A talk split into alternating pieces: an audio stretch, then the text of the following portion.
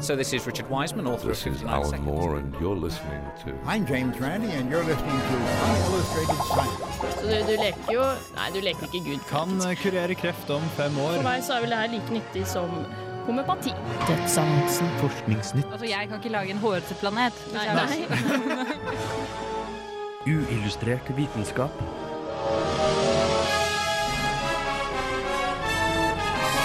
Science, it works, bitches. I ukas flunkende nye utgave av Uillustrert vitenskap kommer vi til å snakke om gruvedrift på asteroider. Samt at det rett og slett må ha klikka for fredsforskningens far Johan Galtung.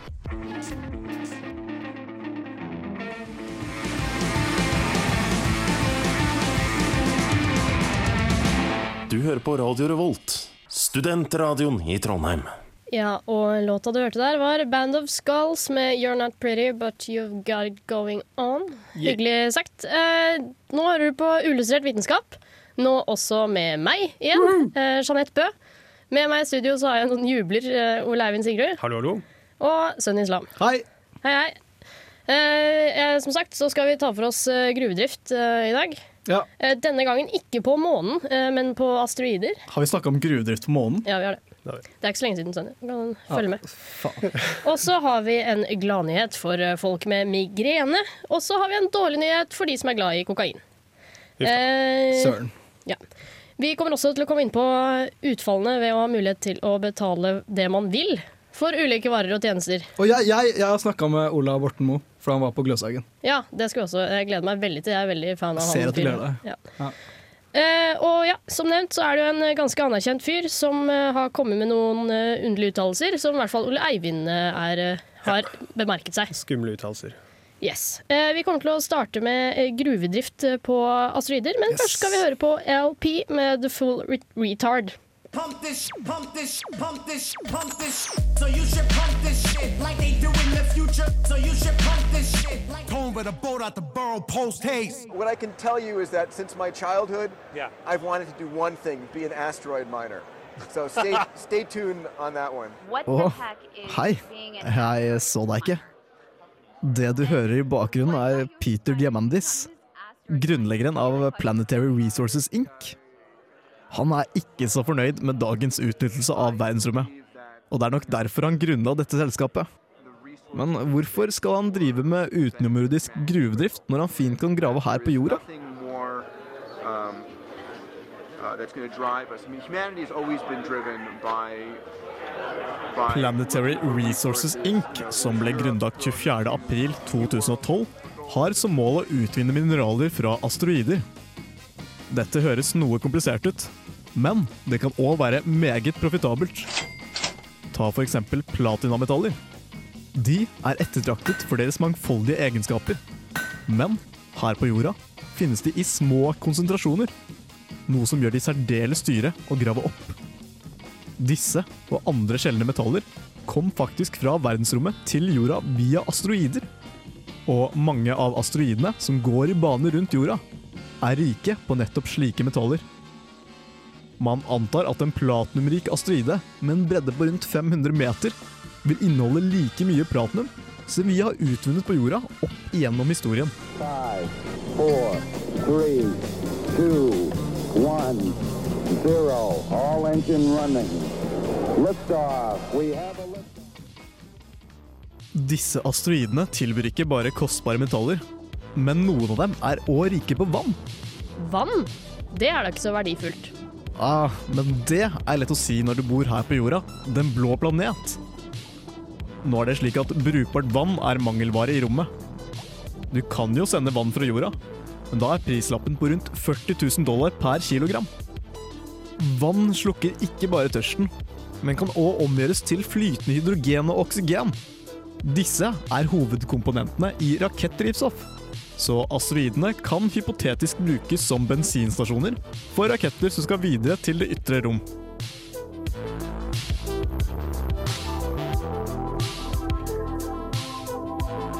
Dette høres jo veldig spennende ut. Men når har de egentlig tenkt til å starte med gruvedriften? Tålmodighet, unge gresshoppe. Planetary Resources begynner dessverre ikke å grave i nærmeste framtid. Men i løpet av de neste to årene har de tenkt å skyte opp et teleskop som kan analysere kandidater for gruvedrift. De sier selv at analysefasen av prosjektet kommer til å ta noen år, men den som venter på noe godt, venter ikke forgjeves.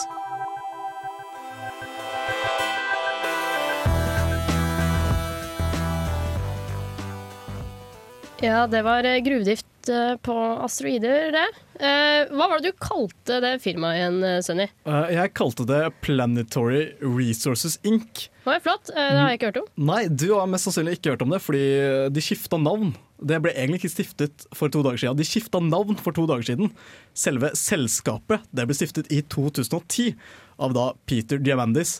Og da het da selskapet Arkid Austro Astronautikk. Jeg kan ikke si at jeg har hørt om det heller, men eh, er det- kjent? Eh, nei, fordi tingen var at de ville holde agendaen deres hemmelig fram til nå, slik at de kunne få investorer og utvikle litt teknologi. Men det som er så kult med dette selskapet, er at nå har de fått investorer som f.eks. James Cameron, som dere kjenner igjen som uh, den store regissøren bak eh, filmer som Titanic Skal og han lage en film på en sånn asteroide? Det skal han nok. Mest sannsynlig. Det hadde vært kult, for da hadde han laget en film om å være nærme jordas sentrum, og også en film om å være langt unna jordas sentrum. Kjempelurt. Han passet seg, det. Ja, Men uansett, eh, det de holder på med nå, da, siden de ikke med en gang kan sende opp eh, ting til asteroider og hente ut mineraler og metaller, det er å utvikle billige teleskop på rundt eh, 30-50 kg, som da kan studere hvorvidt det er eh, profitabelt å gjøre det her. Men én ting jeg lurte på, fordi jeg er ikke så flink i kjemi og fysikk. Eh, rakettdrivstoff det består jo av flytende hydrogen og oksygen. Ja. Uh, hvordan funker det? Det forbrennes, og så uh, blir det vann. Ja, men det, det var det jeg tenkte, at det ble vanndamp. Det er jo dritkult. Ja, hydrogen og oksygen, det er Det brenner oppskriften, oppskriften på vann. Ja, Eh, men når de skal velge seg ut en asteroide, eh, hvordan, hvordan gjør de det? Er det noen kriterier? Er det fasong, form, farge, fart, tyngde? Lav bane er riktig, for da blir det selvfølgelig billigere å dra dit. Og så er det også viktig at det er eh, riktige metaller. Det er jo ikke alle ting som er like greit å få tilbake til jorda. Stein f.eks. ikke så profitabelt. Og så, Som nevnt i saken, så er det også viktig at det er vann der. Og det bør også være en ganske stor asteroide. Og så bør det ha en ganske lav relativ fart i forhold til jorda, for hvis ikke så kan du bomme, og det er ikke så greit. Det er kostbart. Det er kostbart. Hvordan har de tenkt å gjennomføre det her, da? Jeg er veldig skeptisk til det her. Nei, de har nevnt eh, selv da, at de ikke har tenkt å bruke mennesker. Eh, De skal bare bruke roboter. Og eh, jeg tror de tok den avgjørelsen etter å ha sett filmen Moon og Armageddon. Ja, det var det, For det, det gikk ikke så bra. Men nei, det er, det er tre måter å gjøre dette på. De kan enten bare ta hele asteroiden og frakte den tilbake til jorda. Men da får de ganske mye stein og rubbel som de ikke skal bruke, som de ikke kan bruke til noe. Eh, Men de kan òg prosessere metallene der oppe, hente ut metallene fra asteroiden, og så sende det tilbake til jorda. Men eh, det vil jo også være litt, lite effektivt, for da må du ha et prosessanlegg på hver av asteroidene, og det er dyrt. Men den kuleste løsningen, den desidert kuleste løsningen, det er å flytte asteroiden til en mer passende bane, som f.eks. i nærheten av romstasjonen ISS. Hvordan flytter de asteroiden? Litt dypt. Drar den? Ja, Ja. tau. Ja. Hest. Hadde det ikke vært gunstigere å flytte asteroiden i nærheten av månen, f.eks.? Istedenfor å ha den rundt jorden der det er så sinnssykt mye søppel fra før? Ja, det er jo ikke veldig mye søppel rundt Det er veldig mye søppel rundt Men, men det er morsomt at du nevner det, for jeg leste en artikkel nå nylig. Det koster eh, 2,6 eh, milliarder dollar å flytte en asteroide fra eh, banen sin til månen. Altså 2,6 ganger mer enn det koster å kjøpe Instagram. Fint. Så ja. Men, men til slutt, er det her noe vi trenger? Trenger vi mer asteroidestoff uh, på bakken her? ja, det er viktig for flere grunner. Du har eh, romturisme f.eks. Den ekspanderer. Ja. Men, eh, og da trenger man gjerne vann, og vann er jo kjempe, kjempe Trenger mer vann? Ja, altså, Det er jo kjedelig å være oppe i verden verdensrommet én til to timer. Du har lyst til å være der et par dager, og da er det greit med vann. Men uh, selv så synes jeg at romturisme er noe forkastelig. Eh, Du har ikke tenkt til å eh, dra? jo, jeg er kjempelyst til å dra, men jeg syns det er forkastelig at rike folk kan reise ut i verdensrommet, og ikke jeg. Jeg har jo lyst til å dra opp. Ja, stakkar. Stakkar meg. Det er synd på deg. Men uh, det, det, aller viktigste, da, uh, det er jo at det å gjøre verdensrommet profitabelt, det åpner et vindu, for vi må jo ha en motivasjon for å reise ut til verdensrommet. Og det har vi egentlig ikke akkurat nå. Bortsett fra at det er kult. Ja, bortsett fra at det er kult, og det er det tydeligvis ingen som vil betale for. Yes. eh, verdensrommet må altså gjøres profitabelt, tør vi, og det er veldig viktig å, å få mer stoffer Eller eh, fra lønnsomt, da, som vi kanskje burde ha sagt. asteroider. Ja, det er Dere er sant. duster. Eh, vi skal over til min yndling, det er Forskningsnytt. Men først så skal vi høre på The Hanged Man and the Moon, passende. Her kommer Wandering.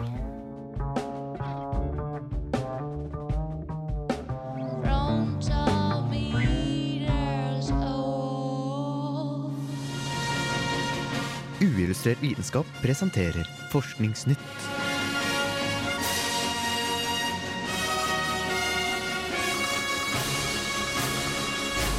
Forskningsnytt. Mørk materie.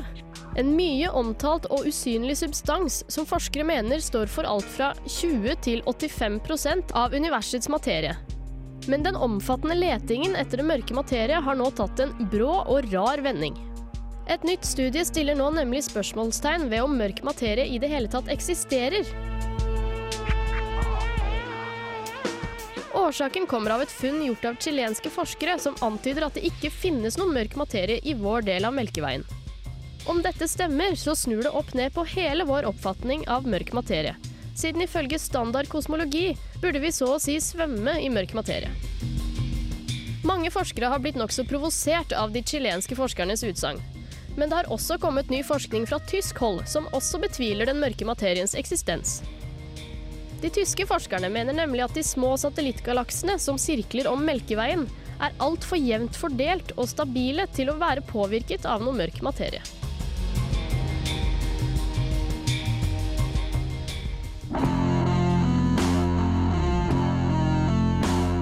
Den ubehagelige følelsen man kan få når man drikker en slush, som kalles ved mangel på et godt norsk ord brain freeze, kan nå gi oss behandlinger for mange typer hodepine. Amerikanske forskere har nå funnet ut at rett før en brain freeze vier den fremre hjernearterien seg ut og pumper ekstra blod til hjernen. Denne arterien forsyner den delen av hjernen som forsøkskaninene med brain freeze rapporterte om var det området de også følte mest smerte. Forskerne foreslår at det er det økte presset av blod som forårsaker smerten. Et tilsvarende blodindusert press kan også delvis stå bak smerter som migrene og andre typer hodepine. Og om resultatene stemmer, kan nye behandlinger som forhindrer rask utvidelse av blodårer, lindre smerter hos folk som er plaget med migrene.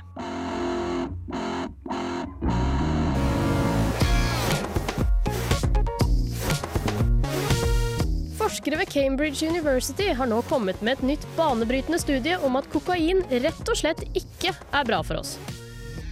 Funnet deres viste at sunne og friske mennesker mistet om lag 1,7 milliliter med grå materie fra hjernen årlig. Mens kokainmisbrukere på samme alder mister ca. dobbelt så mye hvert år. Den grå materien hjelper til med å kontrollere hukommelse, beslutningstaking og oppmerksomhet. Hvilket kan forklare hvorfor kognitive problemer man som oftest ser hos gamle mennesker, blir observert hos middelaldrende kokainmisbrukere. Kokainmisbruk fører dermed altså til at hjernen blir raskere enn normalt eldre. Radio Revolt. Ja, mørk eh, materie der altså. Det er, det, jeg har prøvd å forklare det kanskje 3000 ganger på, på radio, men, men eh, nå, nå tar Sønn utfordringen. Go! Ok, greit. Én, to, tre. Eh, blir ikke påvirket av elektromagnetisk kraft, og dermed så er det ikke synlig. Punktum. Ferdig. Du kan ikke se det, men det er der. Det er der. Ja. Men, men altså, nå er det jo en eh, teori om at det kanskje ikke fins allikevel. Ja, Hvordan kom sjelenderne frem til at det ikke er mørk materie i vår del av galaksen? Eh, De, de regna på eh, hvor eh, ymse stjerner og støff eh, burde være, eh, og de hadde ikke med mørk materie i, eh, i eh, ligningen. Og det viste seg å stemme. Eh, Så lett eh, som det. Sikker på at det ikke bare er deres ligninger som er feil. Nei, det var jo bare det at eh, det var noen tyskere som kom fram til akkurat det samme nesten samtidig, som Oi. jeg sa i stad, hvis du fulgte med. Det er jo litt elegant, da, i og med at det er sånn vi har funnet ut at det finnes mørk materie. er jo at uh, vi regner på ting, og så fant vi ut at her må det være mer materie Ja, det er enn noe det vi som ser. mangler. Ja. Så da kaller vi det mørk materie frem til vi vet uh, hva det er. Så har de egentlig bare brukt det samme og funnet ut at det ikke er noe her. ja. Eh, Så er, vi vet eh, like mye om det som vi gjorde i går. Ja.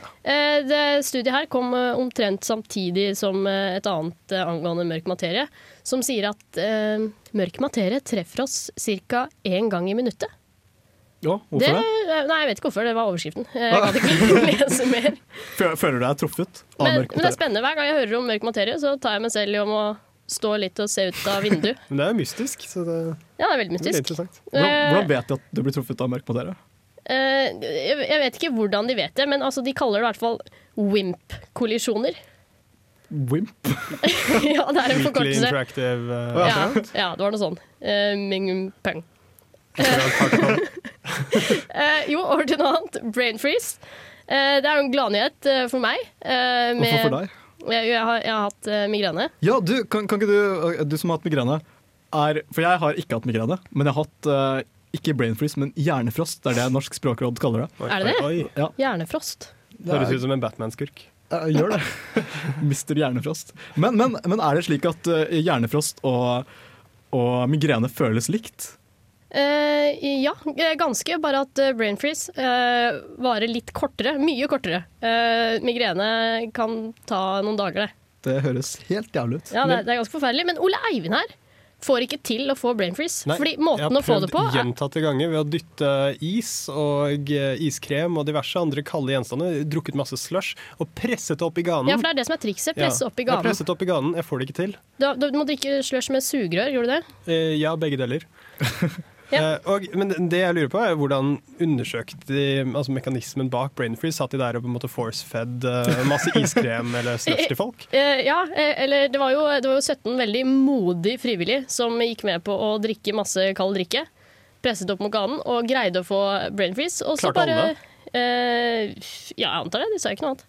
Jeg skulle gjerne vært og så med på den overvåka de altså da blodstrømmen i hjernen med et sånn fantastisk eh, device. Og, og fant ut det, det jeg akkurat sa, at eh, blodårene utvider seg. Sånn. Spennende. Veldig spennende. Eh, siste nyhet. Kokain. Det er, det er dårlig. Er det det? Ja, Oi. eh, dessverre. Er vann fortsatt vått? Eh, hva sa du? Er vann vått? Eh, nei. Jo, det er det. Eh, man blir altså senil, rett og slett, i eh, veldig mye yngre alder enn eh, enn, eh, vanlig, enn normale folk. Normale folk. Jeg, jeg leste artikkelen, og der står det at eh, eh, hjernen min, uavhengig om jeg bruker kokain, krymper med 1,7 millimeter hvert år. Ja, Din krymper kanskje litt mer. Kanskje, men, men er ikke det, det er helt dritt? Nei, du mister 1,7 milliliter med mørk materie hvert år. Det er ikke noe millimeter. Mørk materie? Nei, ikke mørk materie. Grå materie. Sorry. Okay, da, Materie. Jeg leste millimeter. Ja, Uh, uansett, uh, vi skal over til uh, noe som vi kaller så flott pay what you want. Eh, men først så skal vi få høre på Boldy James med 'Consignment'. 227, her room. My dog, concrete. It's enticing. Just try it. Jeg ble litt forundret da jeg hørte denne ukens 60 Second Science-podkast fra Scientific American. Temaet var Pay What You Want. Et betalingssystem som lar kunden selv bestemme prisen.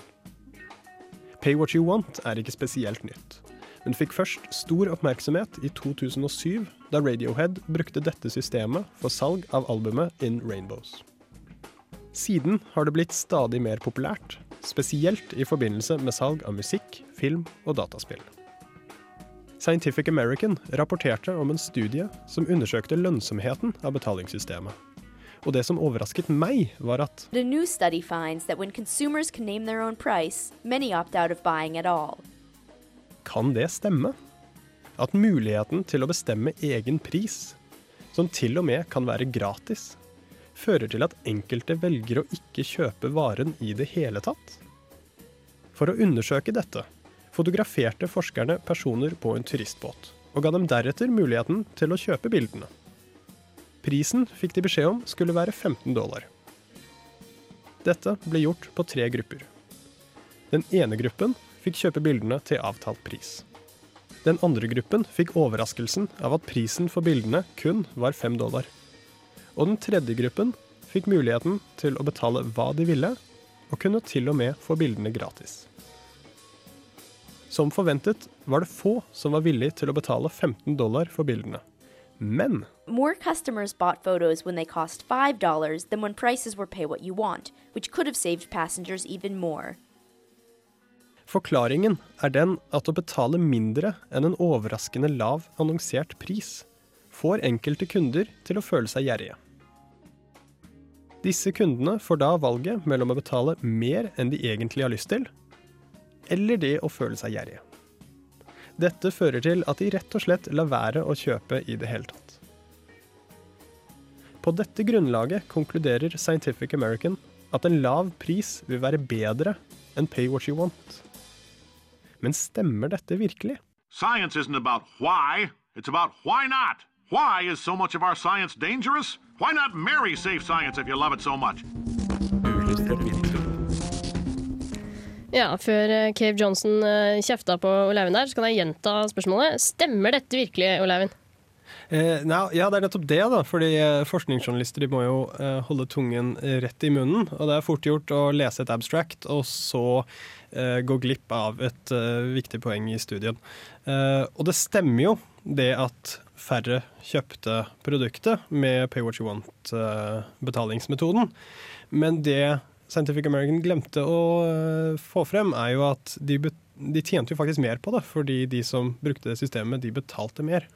Oi. Så, så de sier jo at eh, ja, hvis du vil tjene mye, så bør du heller sette en lav pris enn la folk eh, bestemme prisen selv. Men det er jo feil, fordi de tjente mer med pay what you want. Men de gjorde jo flere eksperimenter eh, på det her. Kan du nevne noen av de? Ja, nei, De gjorde jo tre eksperimenter. Det ene var det båteksperimentet. Det andre var på en fornøyelsespark. Eh, der eh, solgte de også sånn foto til eh, folk som hadde vært på en eller annen ride. Eh, og eh, alle betalte med pay what you want, men eh, den ene gruppen eh, for det produktet så fikk de bilde, og halvparten av prisen gikk til veldedighet. Tok de hensyn til om bildet var fint eller ikke? Nei. Nei. Eh, resultatet var at eh, de som da også betalte til veldedighet, de betalte fem ganger mer enn de som bare kjøpte bilde. Som tyder på at det var et bedre produkt. Du fikk litt mer, du fikk også gitt til veldedighet. Men det var kun halvparten så mange som gadd å kjøpe bildet eh, når pengene gikk til veldedighet. Jaså. Eh, og så hadde jeg et tredje eksperiment eh, på en restaurant. Eh, der eh, skulle alle betale med pay what you want. De kunne betale akkurat hva de ville. Eh, men her ble de delt opp i to grupper. Den ene betalte anonymt, og de andre ga pengene til restauranteieren. Eh, og eh, resultatet der var faktisk at eh, de som betalte anonymt, de betalte mye mer enn de som ga det direkte til eieren. Og da konklusjonen de trekker fra alle disse tre eksperimentene, er at Pay What You Want-systemet fungerer fordi vi ønsker å opprettholde et godt selvbilde. Og at det er selvbildet som er viktigst, og ikke signalene man sender til andre. Og at man har ikke lyst til å leve med at jeg har betalt Jeg er på en måte gjerrig, da. Ved å betale altfor lite, så man betaler gjerne litt mer for sin egen del. Og hvis man da ikke har lyst til å betale mer, så lar man heller være å kjøpe. Jeg hadde tatt det bildet og løpt. Men, Ja, eller bare gått, siden Ja. det er gratis. Nei, men løpet er sunnere. Men fant man ut nøyaktig hvorfor man betaler mindre når man blir observert? Er- Ja, fordi det var veldig sånn lite intuitivt. Eh, forklaringen forskerne kom med, er at signalene man sender til andre når man blir observert, de overstyrer disse selvfølelsessignalene. Eh, for det er to forskjellige ting man veier opp. Man skulle tro at de ble lagt sammen. Du, du betaler mer fordi du vil ha god selvfølelse, og så vil du betale litt ekstra fordi du blir sett på. Eh, Men det blir rett og slett overstyrt, og så ser du vekk fra selvfølelsen din. Eh, Og siden selvfølelsen er den avgjørende faktoren i at du betaler mye, så ender du opp med å betale litt mindre. Og de sammenligner det med den uheldige effekten du kan få hvis du betaler folk for lite for å gjøre et stykke arbeid. Eh, Så kan de ende opp med å gjøre en dårligere jobb enn hvis du ikke betalte dem noe, og at de bare gjorde deg en tjeneste. Fordi det, måte, det blir for liten betaling. Ja. Det er litt sånn samme mekanisme, Ja. sier de. Vi, eh, vi betaler altså eh, mindre når vi blir observert. Det er ganske rart.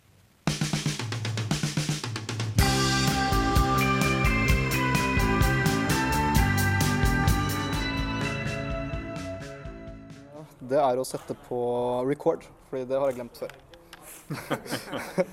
Kunnskapsbasert gjettekonkurranse. Aller først så må jo kanskje du si navnet ditt og hva du gjør. Det er Ola Borten Moe. Jeg er olje- og energiminister. Med Sønner og Ola Borten. Nå begynner jeg først med å ramse opp fakta, og så kommer jeg med en liten historie. Dette her er da et stoff vi er ute etter. Denne hydroksylsyren finner man som rent stoff i naturen. Stoffet brukes i flere sammenhenger. Som i produksjon av energi i atomkraftverk.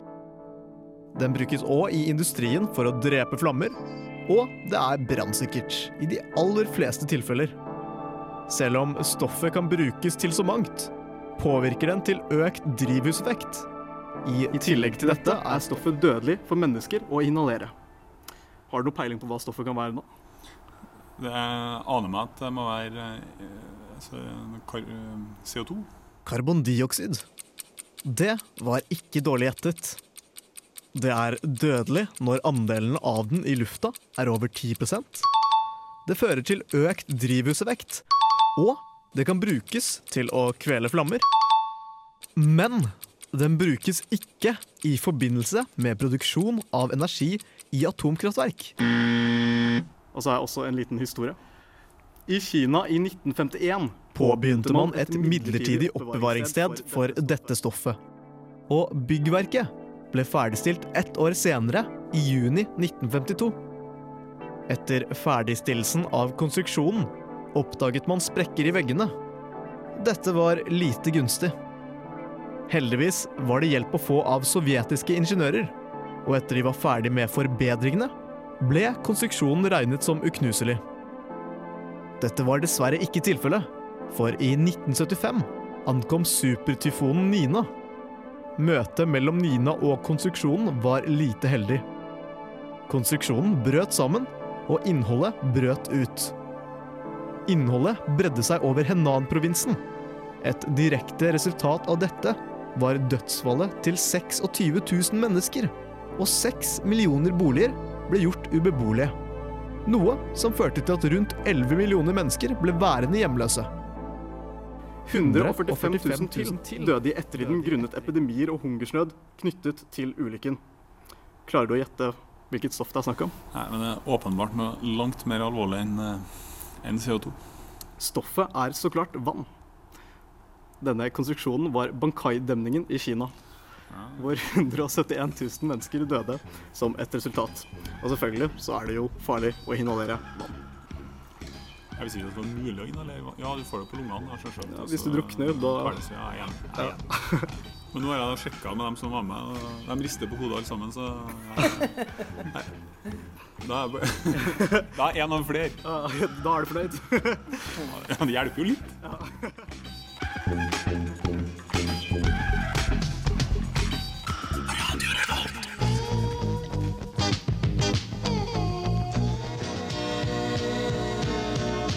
der uh, hørte du akkurat uh, Mac DeMarco med låta du kanskje skjønte het uh, I'm a Man. Det er jeg òg. Ja, det, det stemmer, Sunny. Eh, Du hører fremdeles på Illustrert vitenskap, og i starten så kom jeg til å nevne at Johan Galtung har blitt litt gal. Ja, tørnet for den. Ja, eh, så Ole Eivind, hvem er egentlig Johan Galtung? Nei, Galtung er jo grunnlegger av Institutt for fredsforskning, og gjestet bl.a. Samfunnet her i januar. Snakket om Norge i krig. Hva er det han er mest kjent for? Det er vel fredsforskning. Han etablerte vel feltet fredsforskning, eller sies hvert fall det. ja. ja. Eh, hvorfor da, mener du at nå at han har blitt gæren? Nei, altså mistankene de går tilbake til oktober. Eh, Da holdt han et foredrag på UiO eh, som het 'Ti teser om 22. juli'. Dette foredraget fikk eh, Jon Færseth til å skrive en kronikk i Dagbladet med tittel 'Galtung leker med ilden'. Der trakk han frem en del eh, problematiske bemerkelser som Galtun Galtung kom med underveis i foredraget. Blant annet hadde han et fokus på at Breivik var frimurer, han nevnte tempelriddere, Illuminati, Skull and Bones. Og så anbefalte han til og med bøkene til Per Aslek eh, Ertresvåg og Erik Rudstrøm. Skull and Bones, forresten, hva er det? Det er denne studentforeningen, sånn linjeforening-aktig ved Yale, som eh, Bush var med. Sånne masse konspirasjonsteorier. Oh, ja, ja, ja, sant. Ja, eh, Ertesvåg og Rudstrøm. Det vet jeg heller ikke hvem er. Hvem er det? Nei, Ertresvåg eh, han er en sånn Ja, han har skrevet tre bøker eh, som rett og slett er superkonspirasjoner. Altså digre, altomfattende konspirasjoner som bygges opp av litt mindre konspirasjoner. Eh, og disse er gjerne hentet fra høyreekstremt hold da, i USA. Eh, Erik Rudstrøm skrevet uh, 'Frimureriet og de skjulte makteliter', og det som er spesielt med ham, eh, i tillegg til ganske mange konspirasjonsteorier om frimurerne, er jo at han mener Sions vises protokoller er ekte. Ja, men eh, nå er jeg veldig uintelligent her. Jeg vet ikke hva Sions vises eh, protokoller er heller, jeg. Nei, Sions vises protokoller eh, de ble først publisert i 1905 i Russland, og de fremstilles som møteprotokoller som da legger ut om en hemmelig plan om jødisk verdensherredømme. Oi, altså. Men det er et godt dokumentert da, at dette er et falsum. Det ble dokumentert allerede i 1921. Eh, Men det har levd videre, og det har en fryktelig sånn brun og grumsete historie. Og eh, det var bl.a. pensum i Tyskland på 30-årene, og eh, Hitler ble sterkt inspirert av dem. Og eh, nå tar de sin seiersgang rundt omkring i Midtøsten. Kan jeg bare si at antisemittisme aldri har vært på moten? Aldri? Det har jo det. Ja, det har jo det, da. Det er akkurat det det har. Det har jo absolutt Ok, det er ikke på moten nå? Nei. Nei. Jo, visse steder er det Men-. Men alt det maset her eh, var jo i oktober. Eh, hvorfor er det her aktuelt eh, nå, i dag? Nei, dette har blitt aktuelt da, fordi Galtung han svarer på kritikken i det siste nummeret av Humanist. Og der bekrefter han vel egentlig mistankene da, om at det har virkelig tørnet for ham. Eh, fordi han åpner da med å trekke frem en kilde om at jødene styrer media. Og den teksten han trekker frem, den kommer fra National Alliance, som er en av de, USAs mest kjente nazistorganisasjoner. Ja. Så fortsetter han med sitat 'Tempelriddernes inntog i Jerusalem 1099', terrorbombingen av Hotell King David i 1946 og regjeringsbygningen Utøya 2011. Alle på samme dag, 22. juli. Tilfeldig? Neppe. Oh, neppe. Eh, og så avslutter han med, dette er også et sitat, jeg lurer på hvor mange som eh, har så sikre meninger om Sions vises protokoller, som har lest dem. Det er umulig å gjøre det i dag uten å tenke på Goldman Sachs. Og her er jeg på linje med Erik Rudstrøm. Det er vanskelig å tro at det hemmelige russiske politi var i stand til å skrive en slik analyse. Dette er ganske ja, farlig skumle påstander, og det, han leker i hvert fall med tankegods som eh, mange vil eh, beskrive som eh, svært eh, skummelt. Uh, Farseth eh, har jo svart på denne, eh, dette svaret hans også. Ja, så det, det, er, Han det er mange andre enn at- deg som, eh, som reagerer på at han plutselig har eh, Ja da. Ja. Eh, de mener jo ikke at han nødvendigvis er antisemitt, men at han i hvert fall lefler med eh, antisemittisk tankegods eh, som eh, ikke har noe godt av å bli spredt videre. Men eh, jeg anbefaler i hvert fall alle som syns dette var litt interessant, å sjekke ut humanist.no. Der eh, står Færsets originale kronikk og Galtungs svar, og Færsets svar på det. Eh, og så kan man eh, sjekke Skepsisbloggen for Dyrendals kommentar på det hele. Blant annet så er det med at eh, ja, tempelridderne hadde jo ikke et inntog i Jerusalem fordi de ble stiftet først 20 år etter, og litt sånn, så det er en del feil i de påstandene hans i tillegg til at de er svært skumle. Altså, så, han har, sånn, han, refererer ikke til riktige tidspunkter og alt? eh. Nei da, han leker jo med datoer for å få det til å stemme, da. Jaså? Ja. Eh, Johan Galtung, din historieløse tulling. Her får du currency. Pay attention. See niggas coming for me, and my diamonds when they glisten. Now pay attention.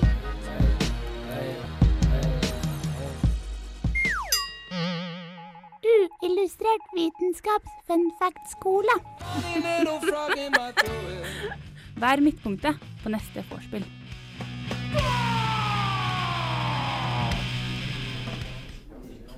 Visste du at Stephen Hawking holdt en fest for tidsreisende, og annonserte festen først etter han hadde holdt den? Nei, jeg visste ikke det. Kanskje, Så- Helt sant. kanskje tempelridderne kom på besøk? Du er morsom også, Leivind. Du er veldig morsom. Ja, Dyrendalsvits, da. Ja, fint. Uh, mitt yndlingsspørsmål. Hvis dere skulle reist i tid, uh, hvor? Nei, når? Juratiden. Hvorfor det? Dinosaurer. Ja, men du blir spist. Ja, hvis man uh, gjør researchen sin på forhånd og har med seg Jeff Goldblum eller uh, noe sånt noe. Eller Liam eller Sam Neill, som det jo egentlig er. Uh, ikke trykk opp den der igjen. Så går det nok greit. Ja. Nei, altså, Ole Leimen vil jo dra til uh, fortiden, men det er jo helt feil strategi. Du vil jo dra til framtiden, herregud. Til romelevatorer og uh, jacuzzi, tenker jeg. Jeanette. jeg har lyst til å dra bare sånn 100 år tilbake. Fordi da kan du gå med skaut og Ja. skjære Ja, og ikke ha noen rettigheter og sånn. Og så skal jeg gått og sett på åpningen av eh, NTNU. For den har jeg bare sett på sånn film hvor alt går kjempefort. Jeg har lyst til å se at det går litt saktere og ikke er i svart-hvitt. Det går kjempefort. Det er mitt da. største ønske i verden. Det er akkurat hit til Gløshaugen. Jeg ville dratt. Kanskje reise tilbake til eh, 40-tallet og lage et maleri av en eh, superboks og uh, se om jeg tjener penger på det. Ja, det kan hende. Uh, etter oss uh, så kommer eh, eh, Live, og det er ganske snart, fordi vi driver og går tom for tid.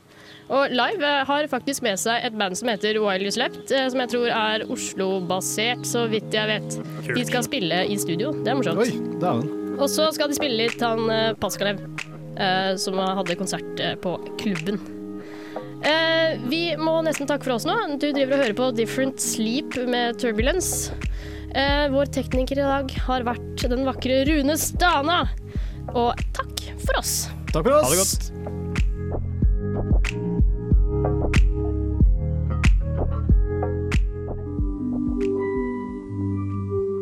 Uillustrert vitenskap er Midt-Norges eneste teknologimagasin på lokalradio. Og vi snakker om alt fra populærvitenskap til sære forskningsprosjekt ved NTNU. Radio Revolt, studentradioen i Trondheim, er stolt av å kunne presentere podkaster fra de aller mest populære programmene våre. Hvis du har lyst til å høre mer fra Radio Revolt, hvem vi er og hva slags musikk vi spiller, så kan du høre oss på FM-båndet i Trondheimsregionen, eller streame sendingene våre live på radiorevolt.no.